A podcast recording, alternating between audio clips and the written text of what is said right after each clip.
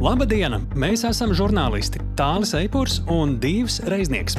Mūs no sirds interesē, kas notiek Ukrajinā, kā notiekošais tur ietekmē notikumus šeit, kā mēs šeit varam būt noderīgi cilvēkiem tur.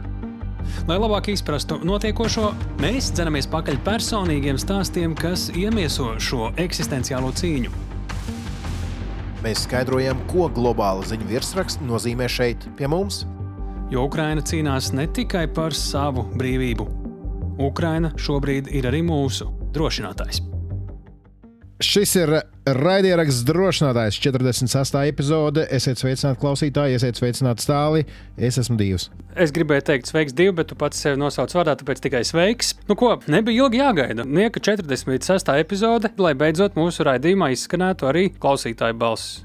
Mums taču nav skanējuši, nedēļu nekad. Nu, daļa mūsu viesi ir arī mūsu klausītāji, man šķiet. Jā, bet es saprotu, uz ko tu tēmē. Jā, nu izstāsti. Nu, lūk, jā, nu ir iemesls, kāpēc es tā runāju. Dāvis Viļņums, kurš dzīvo Anglijā, viņš mums vienkārši atrakstīja ierosinājumu par to, ka varētu parunāt ar kādu cilvēku, ka mums būtu interesanti parunāt, un ka klausītājiem būtu interesanti paklausīties. Turklāt tajā visā pašam dāvim jau bija diezgan liels eh, pārsteigums. Tad, kad viņš izstāstīja, par ko ir runa, tad arī man tas bija diezgan liels pārsteigums. Es ceru, ka arī jums tas varētu būt nu, ja ne liels, tad vismaz pārsteigums. Jā, jā, jā. Nu, ko, lai nedaudz šo intrigu pastieptu garumā, lai pats dāvis izstāsta, ar ko mums būs uh, drošinātāja lielā intervija. Sveiks, Dāvi! Sveiks, tālu! Tev iznāk paklausīties drošinātāji? Jā, nu es klausos katru epizodi. Pilnīgi tā.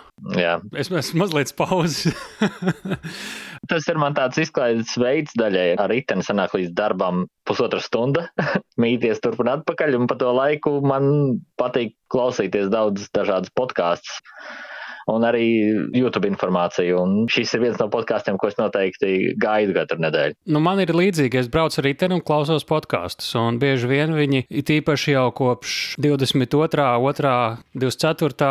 ir diezgan vienā virzienā tie podkāsti. Un bieži vien Jā, redz, kā. Kas ir tas, kas tev, ja var tā teikt, pievelk vai pavelk tajā drošinātājā? Nu, tīri tā informācija par to, kā tur tieši Ukrainā notiek. Nu, es pats es dzīvoju Londonā, tas ir diezgan patālu un nevar būt tuvāk tiem notikumiem, un tas man rada to atmosfēru, to vidi, jo te jau Londonā ir krietni mazāk, to var just, nu, Ukrainas karogas jau tur var redzēt, bet var just, ka tā uzmanība noplūk, un vietējā presē jau informācijas arī baigi daudz nav. Tādēļ es meklēju to informāciju, kur viņi ir, jo tas ir sirdī tuvu, un es gribu justies, ka tas man ir tuvāk, jo morāli tā jūtu. Nu, uz Kristīna Bērziņa vispār Vašingtonā sēž. Jā, viņas reportāžas arī ir uh, lielisks. Bet, Klau, tu esi viens no tiem, klausītājiem, kurš mums ir atrakstījis un atrakstījis ar uh, pavisam konkrētu ideju, bet pirms tu pasaki to ideju, un pirms mēs arī klausāmies jau to, ko tu esi ierosinājis, izstāsti par YouTube kanālu, ko tu klausījies, klausījies, un kas tev pavisam nesen eh, sagādāja pamatīgu pārsteigumu. Sāc ar to, kāpēc tu klausījies, kas tur tāds labs bija ar to pusi. Nu, tā kopumā es klausos dažādus tos YouTube kanālus, arī operators Stārski, tur Vlada Lekslera, Džeiks Broe, Denis Danīvs, un dažādi tie kanāli dod regulāri informāciju par to, kas notiek frontē. Un tad uh, reporting from Ukraine un Ukraine Matters, un nu, vienu no tiem klausījos tieši Džeika Bro dažādas intervijas, un tad viņš uzaicināja vienu citu no youtuberiem arī Ukraine Matters. Visu laiku viņš stādās priekšā Ukraine Matters hosts kā Džordžijs. Tas arī bija viens no tiem kanāliem, kas man patika, jo viņš dod tieši analītisku informāciju. Īpaši interesanti viņam bija tiešraide live streams, tad, kad bija Prigožina uh, apvērsums. Tas bija ļoti interesants piedzīvojums, kā sekot līdz tam visam caur viņu balsi. Bet tādu nav daudz, vai, vai tur bija kaut kas tāds, kas tev uh, noturēja to uzmanību? Man, man patīk viņa pasniegšanas veids, un nu, viņam bija tajā brīdī tā tiešraide. Jā, tie ir vairāk, kurus es klausos regulāri. Un šis ir viens no tiem, nav tā, ka es biju īpaši izcēlis viņu, bet viņš bija viens no tiem, kurus arī regulāri klausījos. Ar ko viņš kaut kādā veidā nišējas vai drusku atšķiras no citiem, kas ir tas viņa jājam zirdziņš tā kanāla? Viņš tā ļoti analītiski pietam visam un arī skaidri izskaidro. Un viņš cenšas parasti varbūt nedot tās sliktās ziņas, kas dažreiz frontē notiek, bet citi klausās Arestovičs un citi klausās citus uh, resursus, kuri ir krieviski, bet viņš atkal man deva to parasto pozitīvo pienesumu. Vismaz vienmēr caur viņu klausīties, bija tāds mazliet optimistisks skats uz to, kas notiek. Tad tu teiktu, ka tiem jaunajiem cilvēkiem, kuriem varbūt krievu valoda nav stiprā puse, ka šis varētu būt viens no resursiem, kas iedod pietiekami pārskatāmu priekšstatu par to, kur šobrīd atrodas situācija frontē? Jā, bet eh, es jau, es jau zinu, ka es nevaru lasīt visu, visu informāciju, un mums pašiem ir pilnlaika darbi, un laika nav tik daudz. Un te viņš reizes dienā vai reizes nedēļā ar dažādu regularitāti viņš ievieto tos video un tad dod tādu pārskatu. Un citreiz, ja ir aktīvāk notikumi, tad viņš ātrāk ieliek video, kā jau daudzi dažādi youtuberi. Un es to kanālu paskatījos, nu, tur pirms gada bija kādi nu, 90 skatījumi vienam video. Joprojām viņi tur tādi stāv apmēram. Tagad ir 100 tūkstoši, dažkārt 200 tūkstoši. Tagad izstāst par to brīdi, kad eh, tev atkārās žoklis, ja tā var teikt. Jā, es klausījos uh, Ukraine Matters uh, Georgija interviju ar Džeiku Bro, divi youtuberi, kur man patīk. Džeiks Bro arī liels youtubers, viņam ir kaut kādi 400 tūkstoši sekotāju uh, YouTube, un nu, viņam liels kanāls ir. Viņš arī Twitterī ir aktīvs diezgan par Ukraiņas lietām. Viņš arī parasti diezgan optimistiski pieiet, un, un vienmēr viņam tie video sadalīti tā, ka tur sākumā ir analītiski, beigās tādi mazliet feel good klips, kur uh, viņš ieliek kaut ko tiešām optimistisku arī, kas no fronts nāk. Un, uh, jā, nu, viņam bija intervija ar Džordžiju, un tad es ieraugu, ka tur tajā bildītē, kas ir uz tā video uzlikts, ka tur ir Latvijas karoks un rakstīts Georgijs Ivanovs, kas man bija diezgan liels pārsteigums. Domāju, kas tad tas ir? Tad man vēl pastiprinātā interesi par to, kāpēc tur ir Latvijas karoks. Un tad klausos, un viens no kanāliem, kurus regulāri klausos, izrādās, ir uh, autors ir Latvijas, kas, kas bija ļoti liels pārsteigums. Tas pats Džordžijs, jā, saucamais. Jā, Džordžijs izrādās ir Georgijs, un jā, tas man bija liels pārsteigums klausoties. Mēs arī pēc tā ieteikuma paskatījāmies, un uh, mums ir sarunāts, ka vienu dienu pēc šīs te mūsu sarunas, ko mēs tagad ierakstām, mēs ierakstīsim arī sarunu ar pašu Georgiju, Džordžiju, Ivanovu. Bet par to visu plašāk jau mēs ar viņu pašu runāsim. Ko tu viņam gribētu pajautāt vai pateikt? Paldies par viņu aktīvo darbu. Es gaidu turpmākos video. Klau, liels, liels paldies tev, ka tu mums uzrakstīji. Liels paldies, ka ieteici tieši šo sarunu biedru. Es ceru, ka mūsu saruna izdosies un ka tu līdzīgi kā mūsu. Radiorakstu klausītāji turpinās sekot līdzi, palīdzēt vēl visādi citādi gādāt par to, lai Ukraina ir brīva viendiena. Paldies tev! Paldies tev arī! Nu, ko? Intriga ir. Paldies Dāvim, kurš klausās mūsu arī Itālijā, Anglijā. Esiet sveicināti, klausītāji, lai kur jūs atrastos. Jāsaka, ka šis varētu būt um, pasaules visaptverošākais uh, drošinātāja izlaidums, jo, ja mēs nu patās runājam ar Dāvi, kurš ir Anglijā, mūsu galvenais viesis runās no Dānijas, savukārt tūlīt pat mēs runāsim ar Vašingtonu, kas gan jau ir ierasts drošinātājā, jo tur atrodas mūsu brīnišķīgā eksperta Kristīna Bērziņa, un ar viņu mēs šodien runāsim gan par to, ka ASV pārstāvju palāta beidzot tikus pie spīkera un kāpēc tas ir svarīgi tieši Ukraiņas kontekstā. Tāpat arī turpināsim pārunāt to tēmu, ko tu tālāk ar Kristīnu jau aizsākāt pagājušajā nedēļā par uh, dīvainiem notikumiem ap kabeļiem Baltijas jūrā. Noskaidrosim, cik gatavi Eiropa ir eh, gadījumam, ja Ķīnas un Krievijas attiecības ar vien turpinās uzlaboties. Klausāmies divu tavu sarunu ar Kristīnu Bērziņu.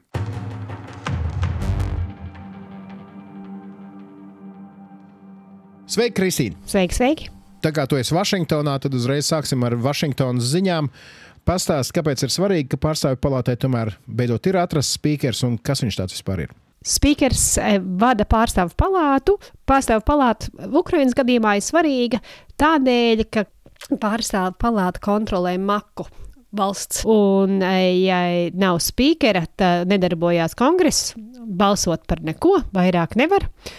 Un, ja spīkers ir, bet spīkers negrib atļaut pārstāvju palātai balsot par Ukrajinu, tad arī nenonāk pie balsojuma, un Ukrainai nav atbalsta. Tālūk, ir jauns spīkers, ir spīkers no Luīzijas, spīkers Džonsons. Un uh, Džonsons nav daudzkārt balsojis par finansiālo atbalstu Ukrainai. Bija jautājums, kas tad būs tad, kad viņš paliks par spīkeri. Bet lielajās intervijās ar konservatīviem ASV mēdījiem pēc uh, ieņemšanas uh, jauno spīkera abatu Džonsons ir arī paudis atbalstu Ukrainai.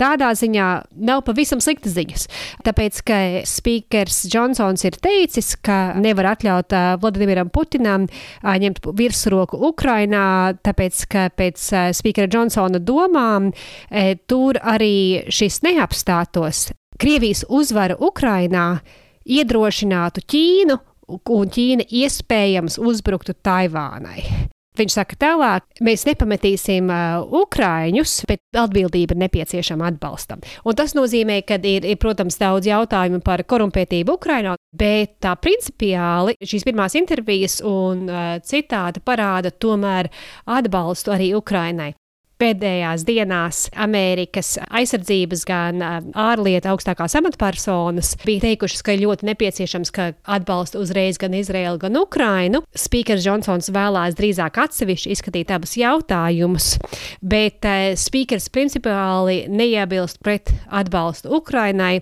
Un, tāpēc ir jācer, ka ātrāk, nevis vēlāk, atkal pieņems finansiālo atbalsta rezolūciju, un tad būs arī atkal vairāk ieroči un vairāk finansiālais atbalsts arī Ukraiņas ekonomikai. Kā tas praktiski ietekmētu ASV militāro palīdzību Ukraiņai? Vai mums ir jāgaida kādi strauji pavērsieni, vai mums ir vienkārši atvieglot jāuzelpo, ka atbalsts vienkārši turpināsies, kāds ir bijis līdz šim? Straujus pavērsienus es īsti negaidu, diemžēl. Drīzāk jācīnās par to, ka noturās eh, līdzšinējais atbalsts un ka tas notiks ātrāk, nevis vēlāk. Eh, bieži arī notiek diskusijas Vašingtonā par to, nu, kas būtu, ja Amerika nepieņemtu šādu atbalstu, un vai Eiropa būtu spējīga atbalstīt Ukrainu tā, kā līdz šim ASV ir atbalstījusi. Un par to arī nav pārāk liels uh, optimisms, tāpēc ka ASV loma Eiropas, pat arī Ukrainas drošībā ir ārkārtīgi noteicoša, un, ja dažu nedēļu laikā izsīktu ASV atbalsts, tad būtu grūti Eiropas valstīm saražot un nogādāt militāro palīdzību tādos apjomos, e, ka nevarētu īsti uzreiz aizvietot ASV lomu. Tādēļ lielais spiediens kongresā un Vašingtonā ir par to, lai atjauno un notur līdzšinējo. Un, ja vēlētos kaut ko vairāk, tad jau ir jautājums par to, ko Eiropa varēs izdarīt. Un par to arī daudz republikāņu šeit sagaida. Daudzi uzskata, ka Ukraina ir lielā mērā Eiropas sāpe, Eiropas problēma, un ka Eiropai būtu vairāk ar saviem spēkiem jāatbalsta Ukraiņu gan militāri, gan finansiāli un ekonomiski. To, protams, uzreiz arī nevar. Un uh, Ukrainai ir nepieciešams pātrināts atbalsts, nevis tagad jautājumi par to, cik ilgi varētu noturēties līdzinējais atbalsts. Labi, tik tālu skaidrs, um, sakosim līdzi, kas notiek, bet es saprotu, ka tu vēlējies mums um, kādu ziņu, kas varbūt uh, citkārt paslīdētu uh, gar acīm uh, nepamanīta. Tu gribēji tomēr izcelt, paturpinot to tēmu, ko jūs ar tālu pārnājāt jau pirms nedēļas, proti par šiem kabeļiem Baltijas jūrā, kas ir pārauti vai pārtrūkuši, vai es nezinu, kas ir tur noticis. Ja tu varētu divos vārdos ieskicēt un atgādināt mūsu klausītājiem situāciju, un kādi ir tie jaunumi un kāpēc tie ir svarīgi. Naktī uz 8. oktobrī tika pārauts gāzes vats, kas savieno Somiju un uh, Igauniju, Baltika konektoru, un arī tika pārauts datu vats, kas savieno Zviedriju un Igauniju. Un, uh, šobrīd izskatās, ka varētu pie vainas būt Ķīnas kuģis New New Polar Bear. Un ir iespējams, ka tieši šīs kuģis bija izmetis un pazaudējis ankuru starp Somiju un Igauniju un pārāvis šo infrastruktūru. Jautājums ir, vai tas bija netīšām, vai tas bija tiešām, un kāda loma ir Ķīnas kuģim, kurš mēroja šo jūras ceļu. Es kā pilnīgi nevainīgs un labticīgs eh, klausītājs un vērotājs. Domāju, nu, Ķīnas kuģis atbrauc nepazīstamā teritorijā, ne tur izmet savu ankuru, Kādēļ eh, šobrīd jāceļ liela brēka? Jo ir vairāk citi jautājumi, kas ar to ir saistīti. Piemēram, šis bija pirmais Ķīnas kuģis, kurš bija mērojis Ziemeļjūras ceļu.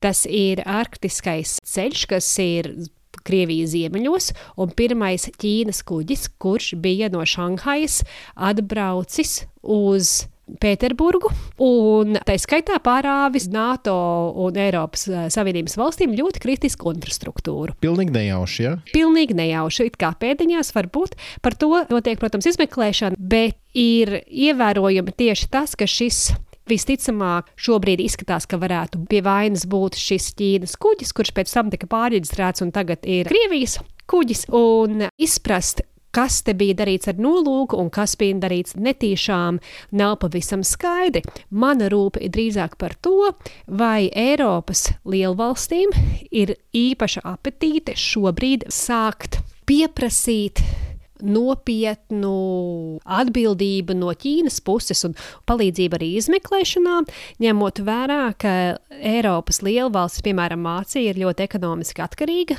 no Ķīnas, un visas valstis šobrīd ir ļoti aizņemtas ne tikai Krievijas, Ukrainas jautājumu, bet arī ar Izraels jautājumu. Un risināt sāpju jautājumus vēl ar citu lielvalsti, man ir lielāks jautājums, cik nopietni to uztvērs, bet ņemot vērā, cik nozīmīga un jūtīga ir eh, zemjūras infrastruktūra un vispār mūsu gan enerģijas, gan datu infrastruktūra. Ja tiek pārauti šādi dati, tad reakcijai ir jābūt ļoti nopietnai. Ne tikai no Igaunijas, Somijas, Zviedrijas puses, bet arī no visām NATO valstīm. Un ir jautājums, vai būtu bijusi viena reakcija, ja tas būtu bijis vienkārši Krievijas kuģis, vai būs cita reakcija tādēļ, ka tas ir Ķīnas kuģis. Ja mēs atceramies prezidents Rinkevičs gadījumā, ja tas būtu bijis Krievijas kuģis, teica, ka varbūt tad jātaisa Baltijas jūras cietkuģošana. Jā, un, un ja pie vainas būtu bijis Krievijas kuģis, tad es pieņemu, ka arī būtu lielāks atbalsts NATO valstu vidū, bet tā kā tas ir Ķīnas kuģis, jautājums zīme drusku. Kā šis incidents, vai jau kā, lai mēs to nosauktu, ierakstās tēmā karš Ukrainā un viss, kas ir ar to saistīts? Lielais jautājums ir, vai Eiropa vai NATO ir gatavas arī šādā hibrīda karā vai militārā jomā lielākai sadarbībai starp Ķīnu un Krieviju. Jo tas ir bijis līdz šim tādā teorētiskā pakāpē, ka tas šodien nav, un tāpēc mēs par to pārāk uzreiz nedomājam. Bet, ja šajā brīdī, kad mēs spriežam par to, cik ilgi turpināsies atbalsts Ukrainai, cik lielā mērā turpināsies finansiālais un militārais atbalsts, vai Ukraina spēs noturēt mūsu uzmanību, ja šajā mūsu it kā noguruma punktā sāisinās un pietuvinās attiecības starp Krieviju un Ķīnu, ja, ja parādās faktiski apdraudējumi ne tikai Ukrainas, bet arī Baltijas drošībai, vai mēs būsim spējīgi, ka visās NATO valstīs attiecīgi reaģēt, atbildēji ir jābūt jā, bet šis kabeļu incidents notika tajā pašā naktī, tajā pašā dienā, kad notika Hamas uzbrukuma Izrēlā. Vai visam tiešām var pievērst uzmanību, un vai otrās puses, vai iespējami ļaunās varas pasaulē neizmanto mūsu nogurumu, un vai mēs šajā brīdī neesam bīstamākā situācijā nekā līdz šim? Tie ir tie lielie jautājumi. Nu, ko, Kristīne, paldies. Tu mums atkal iedevi tēmu, par ko padomāt. Līdz pat nākamajai nedēļai, kad jau mēs sazināsimies atkal un runāsim par jaunām tēmām, kas mūs savukārt nodarbinās atkal nākamajā nedēļā. Lielas tev paldies, Kristīne, un tad uz uh, sadzirdēšanos pēc nedēļas. Paldies, un līdz nākamnedēļai! Paldies, Dīva! Paldies, Kristīnai! Paldies par ieskatu šajos tematos, kur uh, man liekas, ka, lai vai cik mēs bieži tagad turpmāk nerunātu par šiem kaut vai kabeļu uh, pārāvumiem, te katru reizi tajā stāstā pēc atkal nedēļas un nedēļas uh, uzpeld kaut kādas jaunas detaļas un Diemžēl tas tā faktiski notiek. Nu, protams, vienmēr vērtīgā Kristīnas rokas uz pulsa turēšana tajā, kas notiek Amerikā, tur augstajos varas gaiteņos, jo joprojām, es domāju, daudz neiztēlojas, cik ļoti svarīgi tas beig beigās ir arī mums šeit, Latvijā un, protams, arī Ukrainā šobrīd. Ne, nu, man patīk, ka Kristīna var no malas paskatīties uz kaut kādiem notikumiem, kuriem varbūt šeit Latvijā mēs paskriedam garām, un tad pievērš mums uh, uzmanību uz kaut kādām lietām, kas varbūt citkārt paskriet garām. Uh, bet, uh, kā jau es te raidierakstu sākumā minēju, mums šo, šoreiz sanākusi tāda pavisam globāla epizode. Uh, ar cilvēkiem no visdažādākajām pasaules malām. Tad nu, es uh, gribēju savukārt pievērst uzmanību kādam uh, visai interesantam rakstam, ko nesen izlasīja New York Times. Šoreiz dosimies uz Nepālu. Varētu prasīt, kāpēc uz Nepālu raidierakstā drošinātājs kas tomēr ir veltīts notikumiem Ukrajinā. Tāpēc, ka izrādās daudzi nepālieši karo gan Krievijas, gan Ukraiņas pusē. Kā zināms, Ukraiņas pusē karo visai daudz ārzemnieku, tā skaitā arī daži latvieši ir pat izveidot dažādu brīvprātīgo ārvalstu karotāju formējumu Ukraiņas armijas rindās. Tāpat dzirdēts par Krievijai draudzīgo valstu pārstāvjiem, kas karo viņu pusē. Tur ir gan runa par indiešiem, afgāņiem, pakistāniešiem, sudāniešiem, kubiešiem, Kongo Demokrātiskās republikas karavīriem un tam līdzīgi. Taču ir valsts, nu, kur it kā ir neitrāla šajā visā konfliktā, taču kuras pilsoņi karo abās ierakuma pusēs, un tā ir jau minētā Nepāla. Pieminot karošanu Nepālu. Tev tāli, varbūt vēl daudziem eh, uzreiz nāks prātā gurku vienības eh, Britu bruņotajos spēkos. Es atceros pats viņus pēdējo reizi redzēju šķiet Afganistānā un Irākā, kur uh, viņi Britu armijas rindās uh, bija viena no pirmajiem, kas uh, devās kaujas gaitās. Tātad nepāliešu karavīri ir zināmi kā gurkas, kas tas ceļš no vietējā vārda govju sargi. Kaut kas līdzīgs ganiem. Jā, Britu spēkos viņi karo jau kopš 19. gadsimta. Šajos pāris gadsimtos Nepāles karavīri ir kļuvuši slaveni kā ļoti drosmīgi kara laukā. Un kas ir interesants, starp citu, Otrajā pasaules kara laikā Britu um, armijā esot bijis pat 250 tūkstoši nepāliešu. Šobrīd Gurku brigādē ir virs 4000 kareivju. Viņi ir zināmi kā viena no drosmīgākajiem un labākajiem pasaulē. Interesanti, ka gurku vienības ir ne tikai Britu armijā, bet arī Atsevišķas vienības ir Indijas un Brunejas armijās, kā arī Singapūras policijā. Bet, nu labi, atgriežamies pie notikumiem Ukrajinā. Tātad karo viņi abās pusēs. Lielākoties Krievijas pusē, jo Krievijas armijai, protams, ir ļoti vajadzīgi. Viņi mēģina atrast karotājus jebkurās iespējamās vietās. Prezidents Putins arī mainīja likumdošanu, kas paredzēja, ka, ja ārzemnieks piesakās Krievijas armijā un gadu nokarotajā, tad arī tam ir tiesības uz pātrinātu pilsonības iegūšanu, kas acīm redzot ir interesanti cilvēkiem no Nepāles. Saņem viņi apmēram 770 eiro. New York Times rakstā vismaz bija minēta šāda summa mēnesī, vai tas ir daudz? Vidējā alga Nepālā ir 575 eiro, bet tā problēma ir tāda: Nepālā mīt 30 miljonu cilvēku. Katru gadu darba tirgu ienāk aptuveni pusmiljons cilvēku, bet tikai 80 līdz 100 tūkstoši jauniešu spēja reāli atrast darbu. Nepālā savukārt tā tradīcija ir tāda, ka tu vari izrauties no, nezinu, no nabadzīgas dzīves, pateicoties karjerai armijā un ne tikai vietējās Nepāles armijas sastāvā. Nav skaidrs, zināms, cik daudz katrā konkrētā pusē karo šo karavīru. Tā ir slepena informācija. Vienīgais eh, Nepālā šobrīd politiķi jau sākuši runāt par to, ka nu, vai mēs tiešām gribam, lai brālis pret brāli cīnītos kaut kur tūkstošiem kilometru prom no uh, savas valsts un, un mēģina pierunāt savus līderus, lai tie runā ar Krieviju, lai neņem nepāliešus armijā. Tas, protams, visdrīzāk nenotiks, un vai vismaz Krievija to neņems vērā. Ukraina ir, cik zināms, gatava uzņemt profesionālus armijniekus, bet tie, kuri to gribēja izdarīt, tie jau droši vien ir pabijuši tur. Karojuši, bet, nu, ja jau mums tāda globāla epizode, šī 46.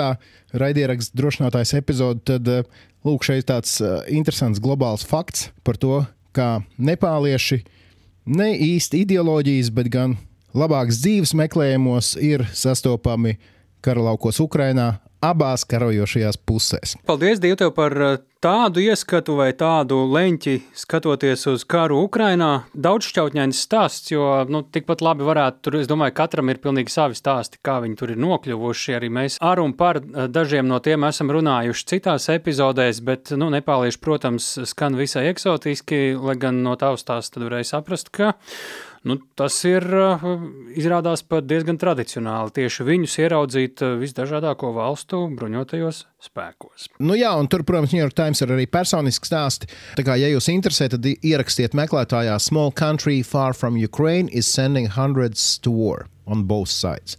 Tas ir šī raksta nosaukums, un atradīsiet ātri vien. Iztūkojam, ka maza valsts sūta simtiem savu karotāju uz Ukrajinu karot abās pusēs. Tik tālu par šo. Mēs atgriežoties vēl tuvāk eh, karam Ukrajinā, bet te pašā laikā skatoties uz to no pavisam citas valsts, eh, ķeramies klāt pie mūsu lielās intervijas. Mēs jau dzirdējām, kā Dāvis Viļņums mums šīs epizodes sākumā izstāstīja par savu pārsteigumu ka viens YouTube kanāls, ko viņš ilgi ir skatījies angļu valodā, kurš stāstīja par to, kas notiek karā Ukrainā, izrādās to veido cilvēks no Latvijas. Mēs sazinājāmies ar Georgiju Ivanovu. Kas tad būs tas, kāpēc ir vērts šo sarunu klausīties? Ir daudz dažādu mazo niansīšu, bet, nu, kas eh, man, piemēram, likās interesanti, nu, vai vismaz svarīgi, ka nu, Georgijs, kurš eh, katru dienu strādā ar šo informāciju no Ukrainas, viņš mums arī radīs savu priekšstatu, kā tad vispār skatīties uz to informāciju, kura no turienes nāk, visdažādākajos veidos, un kā saprast vispār, kam tad ticēt, kam ne šajā laikā, kā pārbaudīt, notestēt, kuri kanāli ir tie uzticamākie, ko viņš dara, kā viņš to dara. Tāpat arī uzzināsim, kā tas ir saņemt regulāri nāves draudus elektroniskajā vidē. Paši varat minēt, no kā par to dzirdēsiet, un kāpēc vispār ir svarīgi stāstot par karu Ukrainā, alaži pieminēt arī kaut ko nu, tādu optimistisku. Pat ja varbūt dažreiz šķiet, ka nu, tur pavisam smagi brīžiem klājas. Nu, labi, katrā ziņā mums vajadzēja 45 epizodes, lai beidzot uh, jūsu priekšā stādītu īstu influenceru. Georgija mērķis nebija jau kad kļūt par influenceru, bet tā nu laiks salika visu pa vietām, un nu, mēs dzirdēsim cilvēku, kura stāstītais uh, paver uh, acis un informē daudzus, jo daudzus visā pasaulē kuri par Ukrainas notikumiem uzzina angļu valodā. Bet tāļu saruna ar Georgiju Ivanovu latviešu valodā, jo viņš ir no Latvijas. Klausāmies!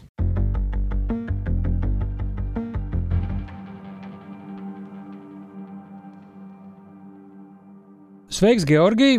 Visi klausītāji, mēs ar eh, divu arī epizodes sākumā dzirdējām, ko saka viens uzticams eh, tava YouTube kanāla par karu Ukrainā, Ukraine Matters klausītājs, Dāvis Viļņums. Viņš ļoti labus vārdus teica, bet ko tu pats, Georgi, par sevi vari pateikt?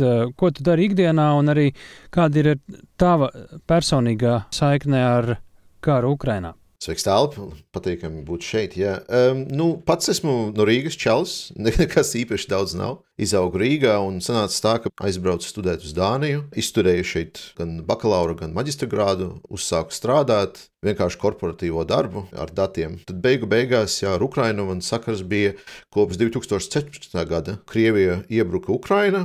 Tad eh, man bija tāds liels jautājums, jo divus gadus atpakaļ es biju pirmo reizi Ukrainā vienkārši atpūsties, aizbraucu ar večiem. Tur viņi sāk stāstīt pa TV, kā tur tādi fašisti visi, ka visi tādi slikti cilvēki. Un viņi tā kā sauc dažādus faktus, kas tur notika ar to Maidana protestiem. Un es tad aizbraucu apmēram pusgadu pēc Maidana beigām uz Ukrajinu un apstījos tos faktus vienkārši nu, vienu pēc otra un sapratu, ka nu, man vienkārši mēlo no tā Krievijas televīzijas ētera. Un kopš tā laika es tā sāku sekot tam, kas tur notiek ar to karu ar Krīmas okupāciju, ar karu Austrumukrainā un tā tālāk. Un tā arī iepazinos ar savu sievu, turpat vien Tinderī. Ukrainā, jā? jā, jā, Ukrainā, Ukrainā. Un kaut kā sanāca tā, ka mēs iepatikāmies vienam otram, apprecējamies, un tagad man arī ir ģimenes saiste ar Ukrainu. Man ir ģimene tur. Tieši kad Krievija 2022. gadā iebruka tur no Černievas apgabala, tur viņa arī dzīvoja, mana daļa no tās ģimenes, no sievas puses, viņi dzīvoja zem okupācijas vairāk nekā dažus mēnešus. Mums tagad tieši viesojas eh, mana sievas māte. Viņa tur stāsta vienkārši šausmīgas lietas par to, kas tur notika tajā brīdī, kad cilvēki baidījās maz vai iziet no mājām, jo visu laiku kaut kādi vai nu helikopteri vai nu tanki brauka apkārt. Nu, baisi, baisi. Jā, kaut kā tā. Un um, Mans darbs, ko es daru, ir esmu YouTubers. Es, eh, tas sanāca nejauši, jo vienkārši daži puiši šeit, Dānijā, kuri nevarēja saprast, kas tur notiek Ukrajinā pēc uh, Krievijas iebrukuma 2022. gadā. Viņi nevarēja saprast, jo tad nebija informācijas kanālu tik daudz, jo dāņu mēdīja viņi vēl nepaspēja adaptēties pie jauniem informācijas avotiem, un viņi visu informāciju, ko viņi pastāstīja, kas notiek tur, uh, diezgan lēni. Un tad, jo es varēju lasīt krieviski, es varēju vienkārši vienkārši atvērt telegramus, un, un ukrāņu valodā arī.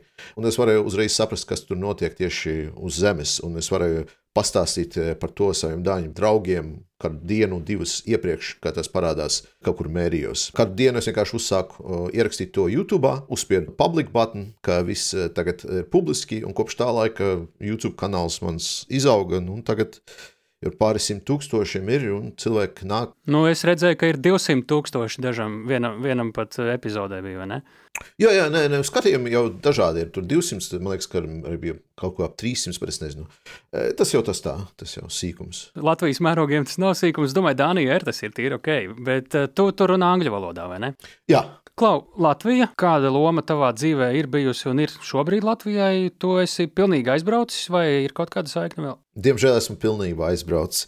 Man joprojām ir māsa un māsas ģimene. Māte vēl dzīvo Daugavpils pusē. Tas viss, kas tur ir, visi draugi jau vairāk vai mazāk aizbraukuši pa citām zemēm. Nu, diezgan maz tādas saistas ar Latviju. Vienīgi kultūrāli es biju šogad biju aizbraucis uz dziesmu svētkiem. Tas labs oh. moments. Bet angļu valoda, nu es klausos to angļu valodu un klausos, kā tu runā tajā YouTube kanālā. Nu es teiktu tā, ka nu, kaut kāds ārzemnieks, kurš vispār sēž Amerikā, akcents tev ir turien. Daudz saka, bet, nu, diemžēl amerikāņi vēl tā nedomā. jo jo uh, izlabot manas kļūdas angļu valodā ir viens tāds populārs moments manā YouTube dzīvē. Visu laiku sarunāties ar skatītājiem, ka, ko tad esmu tur atkal sastāstījis nepareizi. Jā, bet tev ir tāds uh, slāvisks vārds un uzvārds. Tu esi no Latvijas, bet tu iespējams arī neesi latvietis. Kā tur? Ir, ir ļoti interesanti, jo pēc pasas esmu kā krievs. Bet man sanāk tā, ka man no mātes puses uh, vectēvs ir Ukraiņas, un tad uh, vecmāmiņa viņa tā kā no čigāniem. No tēva puses man tā kā tur vectēvs tā kā ebrejs ir, vecmāma nu varētu būt puskrieviete. Un tad man tāds jautājums, vai es esmu krievs vai neesmu. Krievs esmu, jo esmu dzimis uh, Padomju Savienībā. Un, diemžēl pa to laiku, ja tev vajadzēja izvēlēties kādu tautības tu esi, man pēc tam nodomāja, ka būtu labi, ja ierakstītu, ka krievs esmu. Nu, kā, praktiski. Es teiktu, identitāte austrumēropietis. Tieši tā. Un ukraiņu valoda tev šobrīd ir kādā līmenī? Es domāju, ja mēs turpināsim sarunu, kādā līmenī tu lasi viņu avotus un komunicē ar viņiem. Lasīt un saprast, es varu brīvi komunicēt, vēl man ir dažas problēmas. Saprast un salikt teikumus, varētu teikt, ka es varu uzturēt normālu sarunu, bet neprasi man, lai es pastāstītu kādu lekciju ukraiņu valodā. Bet tu neizrādi to savu izcelsmi tā ļoti konkrēti. Vienīgi visi var saprast, ka tev ir cieša saikne ar Austrumu Eiropu savā YouTube kanālā, vai ne? Nu, jo, jo es eh, strādāju uz eh, to western audience, uz amerikāņiem, uz eh, brītiem, uz citiem angliski runājošiem. Viņiem jau vienalga, visi tie austrumu eiropieši, viņi tie paši vien ir. Viņi nevar, nevar saprast, vai es no Latvijas, vai no Čehijas, vai vēl kaut kur. Stāsti par to savu interesi par Ukrajinu, jo tāpat vien tu draugiem arī nebūtu stāstījis, ja tev nebūtu intereses par to. Uh, nu, vispirms es vienkārši sekoju, kas notiek Ukrajinā, kā jau biju, biju minējis no 2017. gada. Vienkārši gribējos pastāstīt par to draugiem mazliet vairāk. Bet, kad sanāca, ka YouTube varēja arī monetizēt, ka saņem kaut kādus vienkārši naudiņas no cilvēkiem, kas skatās man YouTube, tad man klikšķis nonāca galvā, ka ja jau es tik un tā stāstu kaut ko, jo es varu sapelnīt kaut kādu naudu. Jo es pelnu ok ar savu darbu, nu, tā kā dienascho darbu, bet ja es tagad strādāšu par YouTube, dabūšu kaut kādu papildus naudu, tad es varēšu to naudu kaut kur patērēt un aizsūtīt Ukrāņiem, nopirkt kaut kādu dronu. Tur. Man tad eh, no savas ģimenes daži cilvēki arī aizgāja uz fronti no sievas puses, un tad viņiem vajadzēja dažas drēbes, nopirkt kaut kādus papildus bikses, apakšveļu, vienkāršas lietas. Un tad YouTube būtu būt tas ideālais variants, kur es varētu kaut ko tieši to, ko es nopelnīju, un tad es viņu sūtīšu atpakaļ. Viņš saka, augt. Un es sapratu, ka nu, ir tāda reāla nauda, ka man arī kaut kāds nezinu, influencer status parādās. Tad es eh, arī uzsāku strādāt ar um, dažiem militāriem kontaktiem no Ukrainas. Mēs sākam mēģināt atrast eh, lietas, ko mēs varam aizsūtīt līdz uh, Ukraiņas karavīriem, lai viņi tur dabū to, kas viņam tieši vajag, to ekipējumu, vai nu dronus, vai nu kaut kādas lielākas lietas. Pēdējais, ko mēs tagad izdarījām, mēs tagad aizsūtījām mūsu trešais tāds uh, ziedojumu kampaņu, ko mēs uztaisījām par mašīnām. Mēs dabūjām divas mašīnas, ko aizsūtījām tagad uz Ukrajinu. Tas bija 3,000 eiro pēdējais. Un tas jau tāds iespaidīgs priekš manis, kā priekš cilvēka, kurš ir viens pats. No savas algas es nekad nevarētu 3,000 eiro Jā. dabūt, lai aizsūtītu un palīdzētu Ukrajinai. Un tāpēc tagad man vienkārši apsolīja sev, ka līdz karš beigsies, vienkārši darīšu jebko, lai palīdzētu Ukraiņai. Un... Faktiski visi, kuri uzklikšķina un noskatās kaut kādu posmu tavu kanālu, tavu raidījumu, ir jau ziedojuši Ukraiņai. Tieši tā. Tieši tā, jo es ņemu to naudu un vienkārši sūtu Ukraiņas. Viss. Mm -hmm. Tavos jaunākajos raidījumos, arī iepriekš parādās vai nu tiešraide no Amerikas, vai nu tu stāsti, ka tu brauksi tur kaut kādā izstādē, iespējams, pat militārā. Tur ir ne tikai ar Dāniju, Latviju, Ukrainu, bet arī ar Ameriku. Ir pietiekami cieši saikne. Ja? Es tagad viņu taisu, to saikni, jo pirms tam man nebija nekādas lielas intereses par to militāro. Mana militārā interese beidzās, es pat neatceros, kurā gadā man bija, man liekas, 23. Es aizgāju uz komisiju, lai mani varētu pieņemt studēt par virsnieku, vai nu vienkārši uz pie kainieku, kaut kas tam līdzīgs. Kurā valstī? Latvijā, Latvijā. Un man vienkārši pateica, ka esmu nederīgs. Karavīrs, kurš nevar skriet, nu, tas ir bezjēdzīgs. Man arī nepaņēma. Nu, lūk, tad bija tas, eh, tas moments, kad man beidzās saikne ar armiju vai ar interesi par militārām lietām. Viņa atgriezās atpakaļ tikai 2022. gadā. Jā. Un tagad ar to Ameriku uz izstādēm brauc, saprotu? Jā, es tikko biju ASV. Man pirmā interese bija tomēr atrast kaut kādas politiskās eh, saiknes, mē, varbūt mēģināt parunāt ar cilvēkiem, lai būtu papildus spiediens, eh, lai ASV turpina palīdzēt Ukraiņai gan lielā formātā, kā prezidenta pusē, bet nu, arī mazā formātā no savām mazām komunām vai no pilsētām un tā tālāk. Un gribējās vienkārši sarunāties ar lokāliem politiķiem un saprast, vai viņiem var kaut ko, bet nu, viņiem tagad tur mazliet citādas savas problēmas ir. Jā, tā ir. Jā. Un Dānija, tas ir darba dēļ. Nu, es dzīvoju šeit tagad jau desmit gadus, tāpēc uh, es nezinu, vai tas ir tikai darbs. Man viss dzīve šeit ir. Klau, Par kanāla sākumu tu mums izstāstīji, kas un kāpēc tevi skatās, kā tu redzi, kas ir tava auditorija un kas ir tava niša, jo par Ukrainu gada laikā ir saradies neskaitāmi daudz dažādu veidu kanālu. Kas ir tava niša? Tas, ko es redzu tavā kanālā, tu esi viens pats. Tev viens no galvenajiem sarunbiedriem ir Ukrainas karte, un tavas zināšanas, un tavi secinājumi, un tavs redzējums, un tā informācija arī, ko tu dod.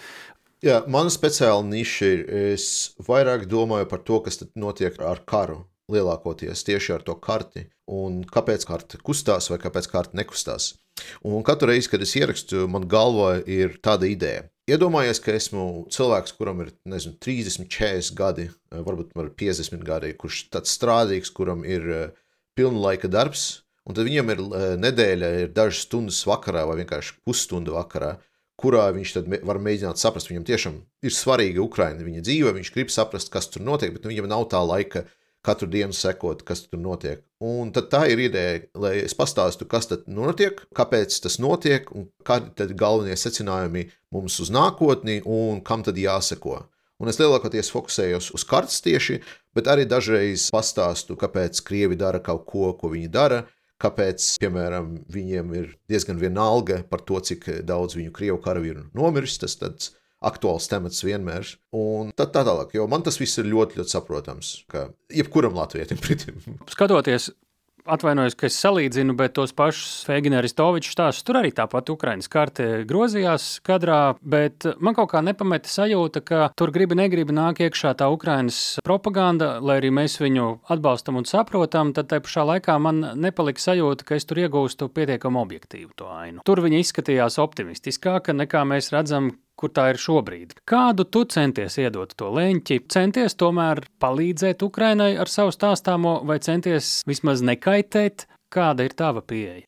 Jā, nu, ar Feginu Aristoviču tur, tur tas ir pašsaprotami, ka Aristovičam tas ir politisks projekts. Viņš par to bija ļoti, ļoti atvērts, tāpēc uh, tur tāds arī savs politisks leņķis uh, uz to.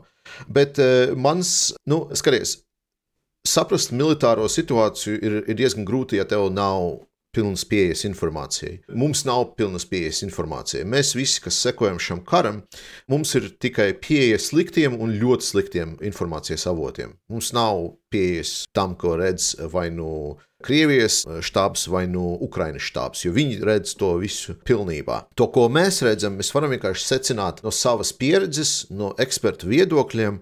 Un ļoti bieži mēs redzam lietas, kas notiek, un mēs sakam, veidot no tā nākotnes projekcijas, kuras varbūt nav tās precīzās. Labs piemērs ir tas, kas notiek šajā vasarā ar Ukraiņas uzbrukumu dienvidos, kur visi gaidīja, ka Ukraiņa tagad ātri sakaus Krieviju, aizies līdz jūrai, un tad Krima būs dievokupēta, un tad mēs redzēsim, kā ļoti, ļoti ātri Krievija sabruks un šis karš būs beigsies. Bet lielākoties tas sanāk no mūsu projekcijas par to, ko mēs redzējām vispirms pie Harkivas, pie Helsinas deokupācijas momentiem, lai gan viņi bija diezgan specifiski. Un mēs nebijām gatavi tam, ko tad Krievija liks pretstatā. Bet galvenais moments militāri Mēs skatāmies, kā normāls cilvēks. Viņš paskatās, ka kartē nekas nebija noticis e, pavasarī. Bet militārais cilvēks, viņš apskatās kartē un viņš redz, ka Ukraina valsts ar militāro mašīnu, kura ir varbūt 3-4 reizes mazāk nekā Krievija, kurai aviācija maz vai vispār nav, salīdzinoši ar to, cik daudz aviācijas ir Krievijā. Tagad ne tikai kaujās uz tām pašām svara kausiem, kur Krievija, bet viņa arī mēģina pārņemt iniciatīvu un arī mēģina iet uzbrukumā. Tāpēc no militāra skatu punkta, tur, kur tagad Ukraina ir, salīdzinot ar kur Ukraina bija vienu gadu atpakaļ, ir neticams progress. Tas ir progress, kurš ir prātam neaptverams. Un tāpēc no militāra skatu punkta, no profesionāla, viņi vienmēr saka, ka Ukraina ilgtermiņā ir neticams augums. Bet problēma ir tajā, ka tagad Krievija nevis uh, viņi saprata, ka tas pirmais moments, kad viņi mēģināja sagrābt Ukrainu no paša sākuma, uh, beidzās neveiksmīgi, un viņi tad aizgāja prom no Ukrainas, nu, iesaldēja to konfliktu, bet viņi to neizdarīja. Viņi mobilizējās, un viņi atvēra savus uh, mobilizācijas kanālus, mobilizācijas ekipējumu nosūtīšanu uz fronti. Un tad tagad Ukraina viņa karo nevis tikai pret Krieviju, kā tādu. Viņi tagad karo pret visu to, ko Padomju Savienība bija akumulējusi vairāk nekā 50, 60 gadus karam pret ASV tajā laikā. Varbūt tagad mūsdienās tas nav tik liels, svarīgs, svarīgs militārais ekipējums, ko Krievija lieto, bet tam karam 50, 60, 70 gados tas bija diezgan ok. Un problēma ir tā, ka to ekipējumu, to tanku, tā bruņojuma ir vienkārši ļoti, ļoti daudz. Un Ukraina, kura varēja ne tikai pāriet pāri tam sākuma momentam, kur viņi ir vienkārši uzdzīvošanas sliekšņa, bet arī aiziet uz agresiju no militārā skatu punkta, ir neticami labi. Kas notiek tad, kad tev ir jāizvēlas? Pastāstīt tikai labo vai pastāstīt arī pesimistisko? Kāda ir tā tava svēršana tajā brīdī? Lielākoties es stāstu visu eh, to labo. Mana ideja ir, ka cilvēki, kuri man klausās, viņi tomēr uh, grib dzirdēt labas ziņas, un ja viņi turpinās klausīties tās labās ziņas, tad es varēšu izmantot to naudu, kas nopelnīja no YouTube, tad, lai aizsūtītu to uz Ukrainu. Daudziem cilvēkiem no rietumiem viņiem ir tā kā šis šovs, tā kā nedēļas šovs, kas tur notiek tajā Ukrainā šajā nedēļā. Un es gribu paņemt to enerģiju, kas viņiem tur ir, to nedēļas šova enerģiju, un pārvērst viņu reālā palīdzība Ukraiņas karavīriem. Un tad es pieņemu diezgan optimistisku scenāriju, kur es e, parasti stāstu. Bet, ja ir kaut kādas objektīvas problēmas, kuras ir jāpastāsta, kuras ir jāzina cilvēkiem no rietumiem, tad es pastāstu tas arī. Piemēram, par to, ka Krievijas armija arī adaptējas, ka Krievijas armija viņam joprojām ir ļoti laba aviācija. Piemēram, kā Ukraina ir daudz karavīri joprojām mirst. Un Ukrainai var būt problēmas ar cilvēkiem, ar to, vai viņi varēs dabūt sev jaunus karavīrus.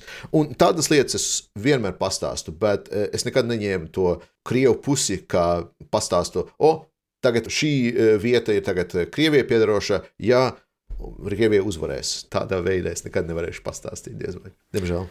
Kāda ir tava saikne ar avotiem Ukrajinā? Kas tev tie ir? Jo es, ja būtu Ukraiņas propagandas ministrs, es tagad redzot tavu YouTube kanālu, uzrakstītu un teiktu, mēs tev varam iedot tādu un tādu un tādu informāciju. Tev diezgan daudz klausās. Mums ir vēl kādi desmit tādi, bet vai tu negribi būt viens no viņiem? Nu, ja es būtu ministrs, es neesmu. Kāda ir tā tava informācijas plūsma no Ukrainas? Kādi avoti ir tavē, ja tev nav jānosauc, jāatšifrē viņi, bet pēc būtības, cik cieši tu vari ieiet iekšā tajā realitātē, kas ir frontē, ja reiz tur rādi karti un komentē to, un ko tu vari pateikt par saviem avotiem. Jā, nu, ar propagandu man piedāvāja, es pateicu, nē. tagad, tagad, tad pēc tam būs jautājums. Tā, nopietni, jā? Jā, jā, jā bija, bija tāds variants, jā. Bet, nu, es pateicu, okay. ka paldies, man nekāda ekskluzīva informācija tā tiešām nevajag, jo nu, tad, tad būs, man pašam būs jautājums, vai es skaros propagandu, vai es skaros kaut ko reālu, saproti? Jo, jo, es esmu optimistisks, bet es pats zinu situāciju, jo, jo es skatos reālus avotus. Un man primārie avoti ir vai nu video, jo ir tāds labs termins, ja tas nav uz video, tas nav nocis. Tad video, Krievu telegramu kanāli, arī Ukrāņu telegramu kanāli, arī daži eksperti, kurus es klausos. Un lielākoties visu, ko es darīju pirmajā gadā, es vienkārši pārliku to, ko es iemācījos studējot universitātē, darbojoties ar, ar avotiem. Es to pārliku uz dažādiem telegram kanāliem, uz dažādiem ekspertiem un tā tālāk. Es vienkārši klausījos, un es pierakstīju. Kas tev ir par izglītību? Maģistrs ekonomikā un datu vadības zinībās. Dati tā tad un avoti. Skaidrs, jā. Jā, un, un es vienkārši pierakstīju, kādas tādas prognozes lika dažādi eksperti vai dažādi telegramu kanāli. Un pēc tam, kad paiet kādas nedēļas, mēnesis, tad es vienkārši skatījos, kāda rezultātus sasniedza aktualitāte vai kādas ziņas mēs mācījāmies par to, kas tur notiek. Un tad es biju vienkārši svitrojis, kuri ir labi, kuri ir nav tie labākie. Un, ja, piemēram, ļoti dažādi krievu telegramu kanāli, es arī biju pierakstījis sev, kāds tāds kods tur jāizmanto. Piemēram, dažādi telegramu kanāli, viņiem vienmēr jāsaka, ka mēs noteikti uzvarēsim. Krievijas telegrāmas kanāls, kad es lasu, viņš teica, mums tagad iet ļoti, ļoti švaki, mēs tur pazaudējam šitās, šitās pozīcijas, bet mēs noteikti uzvarēsim. Un tad es zinu, ka tas mēs noteikti uzvarēsim, vienkārši jāizsvītro, jāpaņem tikai cits.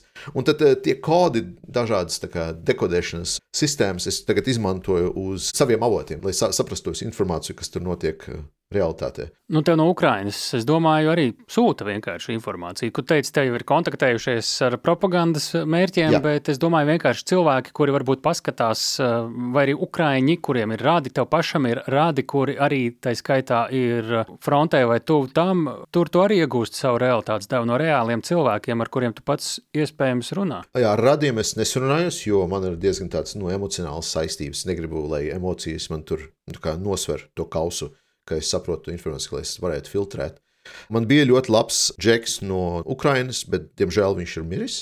Vēl viens kontakts tieši no pirmajām pozīcijām, bet viņš dabūja sev ievainojumu, un viņš tagad rehabilitējas. Bet, nu, lielākoties tas ir tikai publiski, es zinu džekus, kuri tur strādā kaut kur Kīvā vai kaut kur štābos, un tad viņi man saka, nu, kas tur notiek kopumā, nevis par specifiskām detaļām jo karš mīl klusumu. Bet, nu, jebkurā gadījumā tu no saviem avotiem, kas ir reāli avoti, cilvēki konkrēti, tu vari to informāciju kaut kādā veidā padarīt daudzpusīgāku un saprast, vai tavs kompass rāda pareizo virzienu. Ja? Lielākoties, jā, pārbaudīt, vai, piemēram, Krievijas atvērtie avoti, runā patiesību vai nē, vai uh, Ukrainas atvērtie avoti, vai tā ir propaganda vai nē. Es lielākoties uh, jautāju tādas lietas. Saku, tur tu pateici, ka tur tūkstoši cilvēku nomira vai reāli bija. Viņš saka, nu, mazliet mēs padaudz tur ielikām piemēram. Bet es nedomāju, ka tur ir ļoti pārspīlēti tie cipari, jo viņi arī iet līdz tendencei. Tagad, piemēram, es pirmo reizi redzēju pēdējās dienās, tas ļoti iespējams ir uz Avdījevas rēķina, ir 1300 orku nogalināti, un nu, ir bijušas dienas pietiekami ilgu laiku, kad ir varbūt 400 vai, vai līdzīgi tie skaitļi. Tendenci katrā ziņā tur var nojaust no tās uh, oficiālās statistikas, vai ne? Tieši tā, es, es mazāk skatos uz tiem reāliem cipariem, vairāk skatos uz tendencēm. Piemēram, ja es uh, redzu, ka bija intensīvas darbības, un Ukraiņas saka, ka mums tagad ļoti, ļoti intensīvas kara darbības notiek tajā, tajā pusē, bet es skatos, ka dienas ja mirušie orki ir kādi 200, 300. Es saku, kāpēc tik maz? Kas tur notika? Aha, ah, dažas vienības aizgāja uz rotāciju, piemēram. Ah, ok, tagad saprotu. Ko tu ieteiktu uh, Latvijas auditorijai, skatoties uz avotiem, kā sajust, kam var ticēt, kas varbūt ir nu, tīra propaganda, vienas vai otras puses, un kur ir vērts apstāties, turpināt sekot, kas ir tās lietas, kas ir pirmās, kuras ir jāizvērtē. Nu, Pirmkārt, jāklausās drošinātāju. Tas ir. paldies! paldies. Vai arī tev jāskatās? Jā? Es domāju, ka nē, es nedomāju, ka es tā specifiski uz Latvijas auditoriju. Un tur arī atbilde uz to tavu jautājumu ir, jo es nezinu, kur latvieši, kur viņi dabū informāciju saviem avotiem. Es lielākoties Es darbojos ar angliski runājošiem avotiem, un man diezgan grūti ir pateikt, vai tas būs jēdzīgi vai nē, latviešiem skatīties uh, kaut ko. Bet es domāju, tādā principu ziņā, kā saprast, šim ticēt vai nē, nevis konkrētu kanālu, kā saprast, ka nu, tur nāk pietiekami reāli, reāls saturs. Nu, Pirmkārt, jāizslēdz viss, kas eh, saka, ka viņš ir objektīvs. Tas ir bullshit, tur nekā tāda nav nevar būt objektīvs, jo karā ir vai nu melns, vai nu balts. Ja kāds saka, ka viņš ir uh, objektīvs, tad viņš, viņš vienkārši nesaka, ka viņš ir neobjektīvs. Jebkuru objektīvo informāciju ir uzreiz jāizslēdz ārā. Un tad ja jāskatās uz avotiem, jāsaprot, uz kuru pusi viņš tomēr balstās, un tad ja mazliet uh, jāfiltrē to informāciju no tās puses. Un tad jau var saprast, nākamais solis būtu tādas kritiskākas pozīcijas, kaut kādu superpropagandu, kur nu, vienkārši nu, tagad Ukraina jau tagad vinnēs, ka nu, viss, Krievija jau sabruks rīt, ka tagad mēs visus tos krievus nostīsim, vai arī otrādi, kad uh, saka, ka nu, Ukrainai tur nav bijis daudz kas palicis, ka tagad paņemsim ģīvku un viss Ukrainas armija bēgs, nu tad tas galotnes arī tā kā jānogriež. Un tad tev paliek divas tādas griezumi, kur tu vari apstīties, kur no Ukraiņas puses ko runā un kur no Krievijas puses ko runā. Un tad vairāk vai mazāk var saprast to informāciju. Bet tik un tā ir grūti, un es visi nonākam no tā, ka mums cilvēkiem no malas ir slikti avoti un ļoti slikti. Principā tas ir viss. Kā tev ir tik daudz laika šim visam? Mēs reizi nedēļā, un tad jau ar lielām pūlēm diezgan, jo kamēr visas intervijas ierakstas samontē, tam vajag laiku, lai to visu gan savāktu šo informāciju, izsakotu līdzi, izlasītu, pēc tam arī pasniegtu saprotamā veidā, lai cilvēkiem ir patīkami un saprotami skatīties. Esmu darba hodžs. Tas vienkārši jautājums. Es noziedoju daudz no savas ikdienas dzīves, hobiju, kaut kāda citas spēles, vēl kaut kas attiecības ar sievu man dažreiz ir diezgan pagrūts.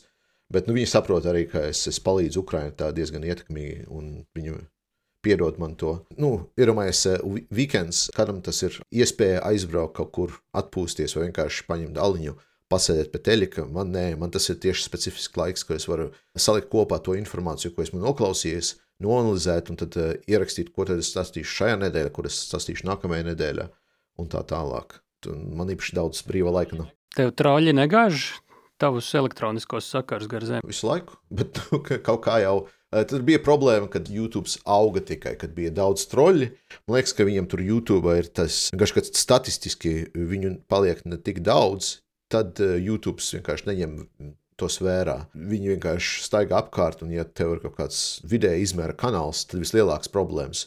Jo man nebija monetizācijas uz YouTube maz vai pusgadu, jo visu laiku man eh, nevarēja rādīt tos reklāmas, jo troļi visu laiku saka, ka oh, tur stāsta melus par, par karu Ukrajinu. Jā, reportē kaut jā, jā, jā, tieši tā. Citīgi. Tieši tā. Nu, un viņi tev arī raksta, tev nav kaut kādas bīstamas situācijas, ja reiz tas kanāls ir kļuvis samērā ietekmīgs. Ja, nu, man katru reizi nedēļā vismaz eh, atnāk kaut kādas, eh, es nezinu, death threats, eh, tā kā nāves draudi, jā, nāves draudi man jau tā kā regulāri nāk, tāpēc esmu jau pieredzis. Es saprotu, protams, ka es lieku sevi uz nedrošās ietves, bet salīdzinoši ar to, kas notiek Ukrainā, es te dzīvoju Dānijā, nu man kauns būtu kaut ko nedarīt. Varbūt pastāstīt, mēs, protams, ka no šī visa nojaušam, bet nu, tev ir tiešraides, un tev ir arī nu, ierakstīti raidījumi. Kā tu sakārto to savu saturu, lai viņš būtu uztverams un saprotams? Mēs nedaudz tam pieskārāmies, bet varbūt to var izstāstīt. Lai tie, kur varbūt tagad klausās un kuri zina angļu valodu,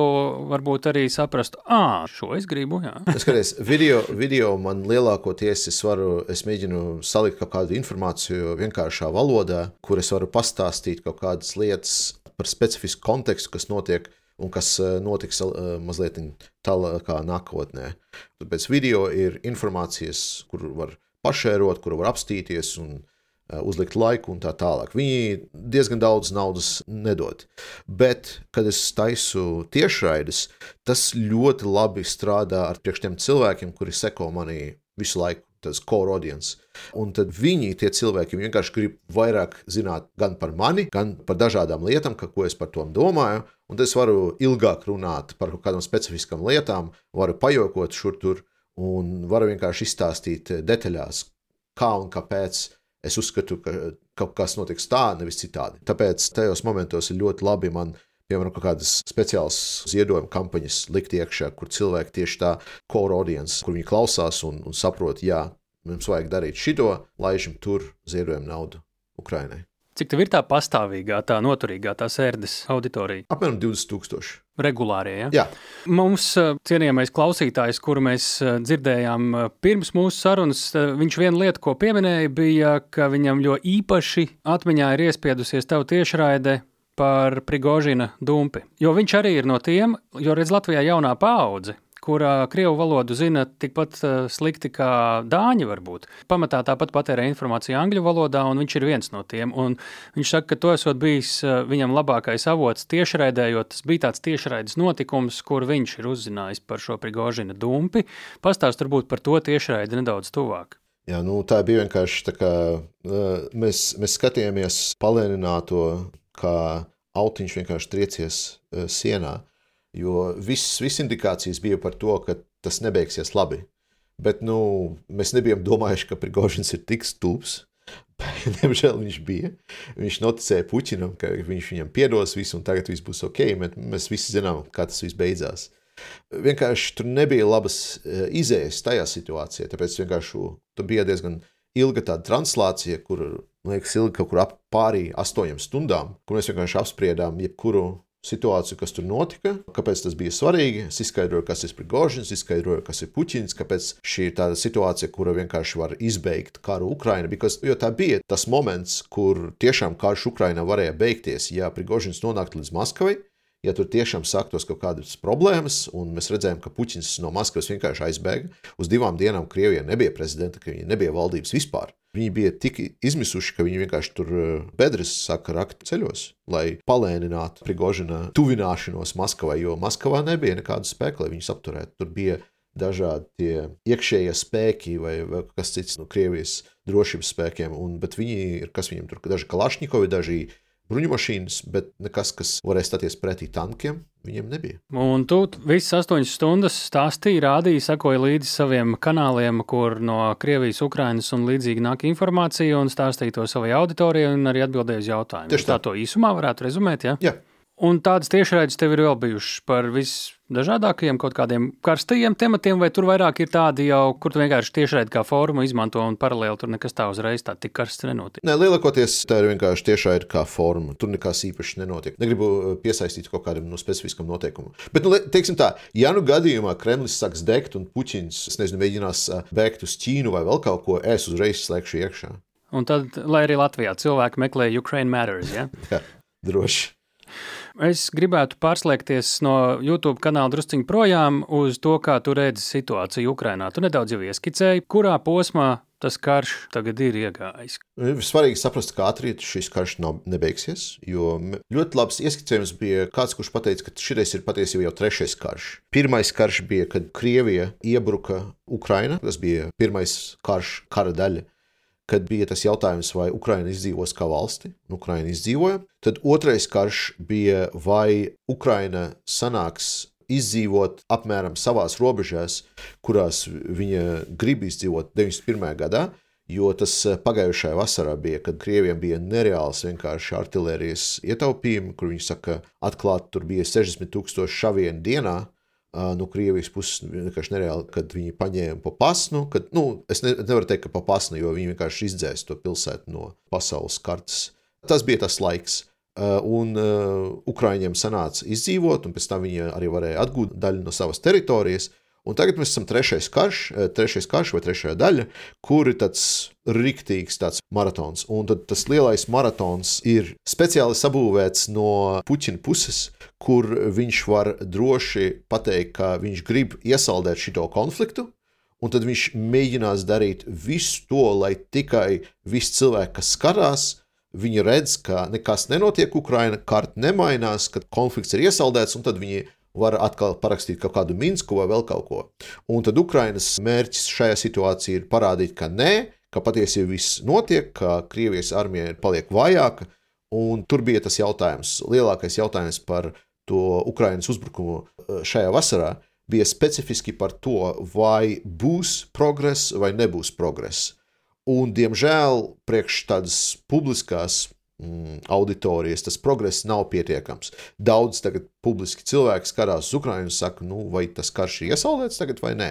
Bet, paldies Dievam, mēs redzam, ka Puķina manevrs nav nostrādājis. Baidens pastāstīja, ka viņš tagad lūgs papildus palīdzību Ukrainai.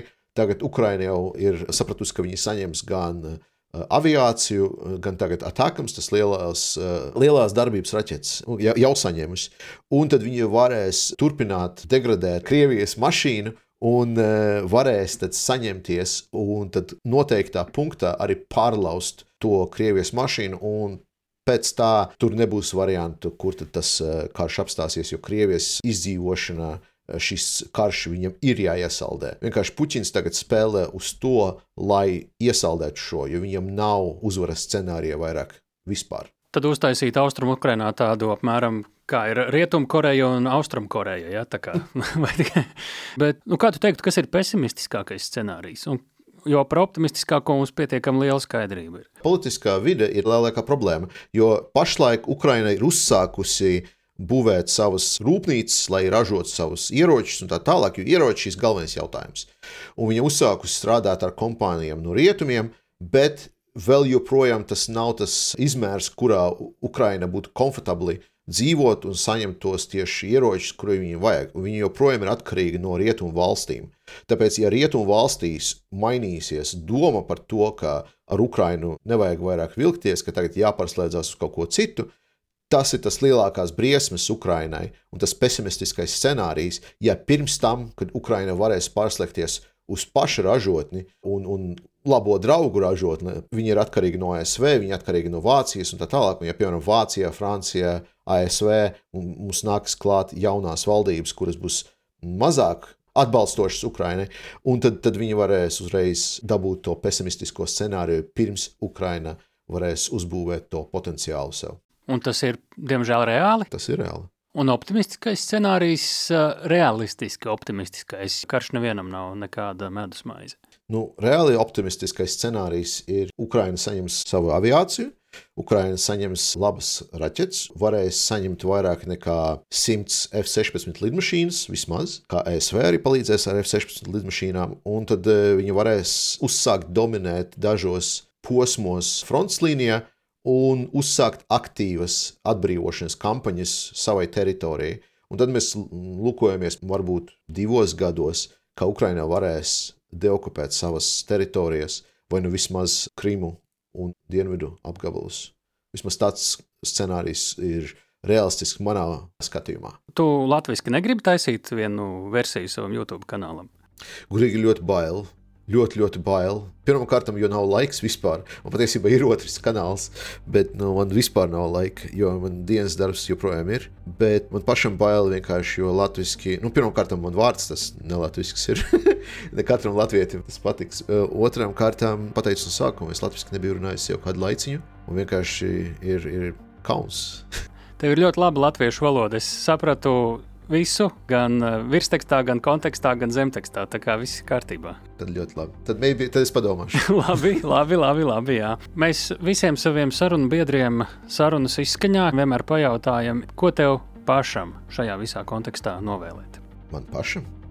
E, domā, man novēlēt Ukraiņai vai, e, vai man neko nevajag Ukraiņai palīdziet. Aiziet uz jebkuru labdarības e, lapu, palīdziet Ukraiņai. Man neko nevajag, man viss ir. Paldies! Ļoti labi! Slavu Ukrainai! Herojam slava! Lielas paldies tev, Tāli!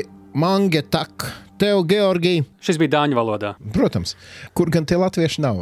Es paskatījos, es palūdzu sociālā tīklā eh, X, eh, lai mm, cilvēki pastāstītu, nu, ko tas nozīmē. 100, 200 tūkstoši skatījumu vienam YouTube kanālam vienam labi skatītam YouTube kanālam Latvijā tie maksimālie cipari, kā man te raksta. Es tiešām neesmu ļoti iedziļinājies, bet kā man dažās atbildēs šeit sociālā tīklā atbildēja, 80, 60 tūkstoši. Nu, tas ir tāds labs skatījums tādam, kā es saku, sēriju veidu YouTuberim.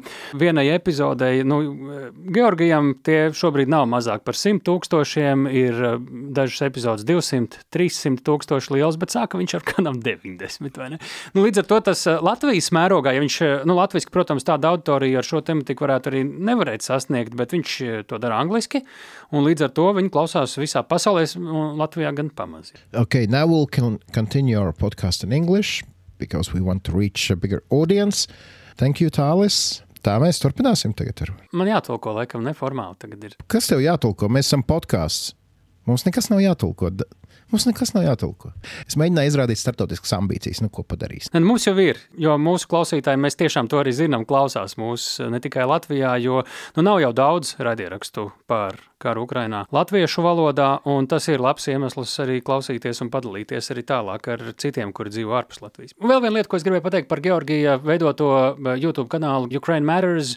Nu, jūs dzirdējāt, ka visi ienākumi no klikšķiem, ko viņš eh, savāc, aiziet karam Ukrainā, atbalstam tiem, kuri karo Ukrainā vai ne tikai karo pēc epizodes arī pajautāju, nu, cik tas ir mēnesī apmēram. Georgijas to aptuveno summu nosauc. Protams, ka tā ir mainīga un uh, cerams, ka augoša, bet, nu jā, es to ciparu, es domāju, nav ētiski ļoti teikt, nav mūsu nauda, bet to, ko es varu pateikt, nu tā noteikti ir lielāka summa mēnesī nekā vidēja alga Latvijā, un uh, nereizi vien lielāka. Līdz ar to, ja viens cilvēks spēj sniegt šādu atbalstu, tad šī nav reklāma. Klikšķiniet viņa kanālā, tas aizies tieši tur, kur jūs domājat, ka tas aizies ļoti, ļoti, ļoti vajadzīgiem mērķiem. Tātad, kāds Georgijs izskatās, to mēs varēsim redzēt LSMLV, kur publicē mūsu intervijas rakstiskā formātā. Tur mēs arī piespēlējam parasti kādus vizuālos materiālus. Tātad lasiet LSMLV, sūtiet saviem draugiem, radiem paziņām linku ar šo raidierakstu, klausieties Ukraine Matters un atcerieties, ka šīs reizes viesis ir pie mums nonācis tieši pateicoties kādam no klausītājiem, tātad dāvim šajā gadījumā konkrēti. Bet jūs varat būt nākamais, kurš iesaka mums eh, mūsu nākamo viesi. Rakstiet mums, droši vien at Latvijas Rādio LV, vai uzmeklējiet divu reiznieku vai tālu eipuru sociālajos tīklos. Kā redzams, nav tā, ka mēs kaut ko baigi ignorētu. Mēs labprāt dzirdam atgriezenisko saiti, ieteikumus un tā tālāk. Un tā joprojām. Bet tas šajā reizē laikam viss. Ne? Noteikti sūtiet arī uh, tematus, ne tikai konkrētus vārdus, uzvārdus, ko nointervēt. Tas arī dara, tas mums uh, palīdz sajust auditoriju un uh, doties kādā no virzieniem. Un, uh, tiekamies nākamajā epizodē, un šoreiz mums kārtībā ir jāatgādina, ka drošinātājs tas ir skaidri un personīgi par karu Ukrainā. Vislabāk!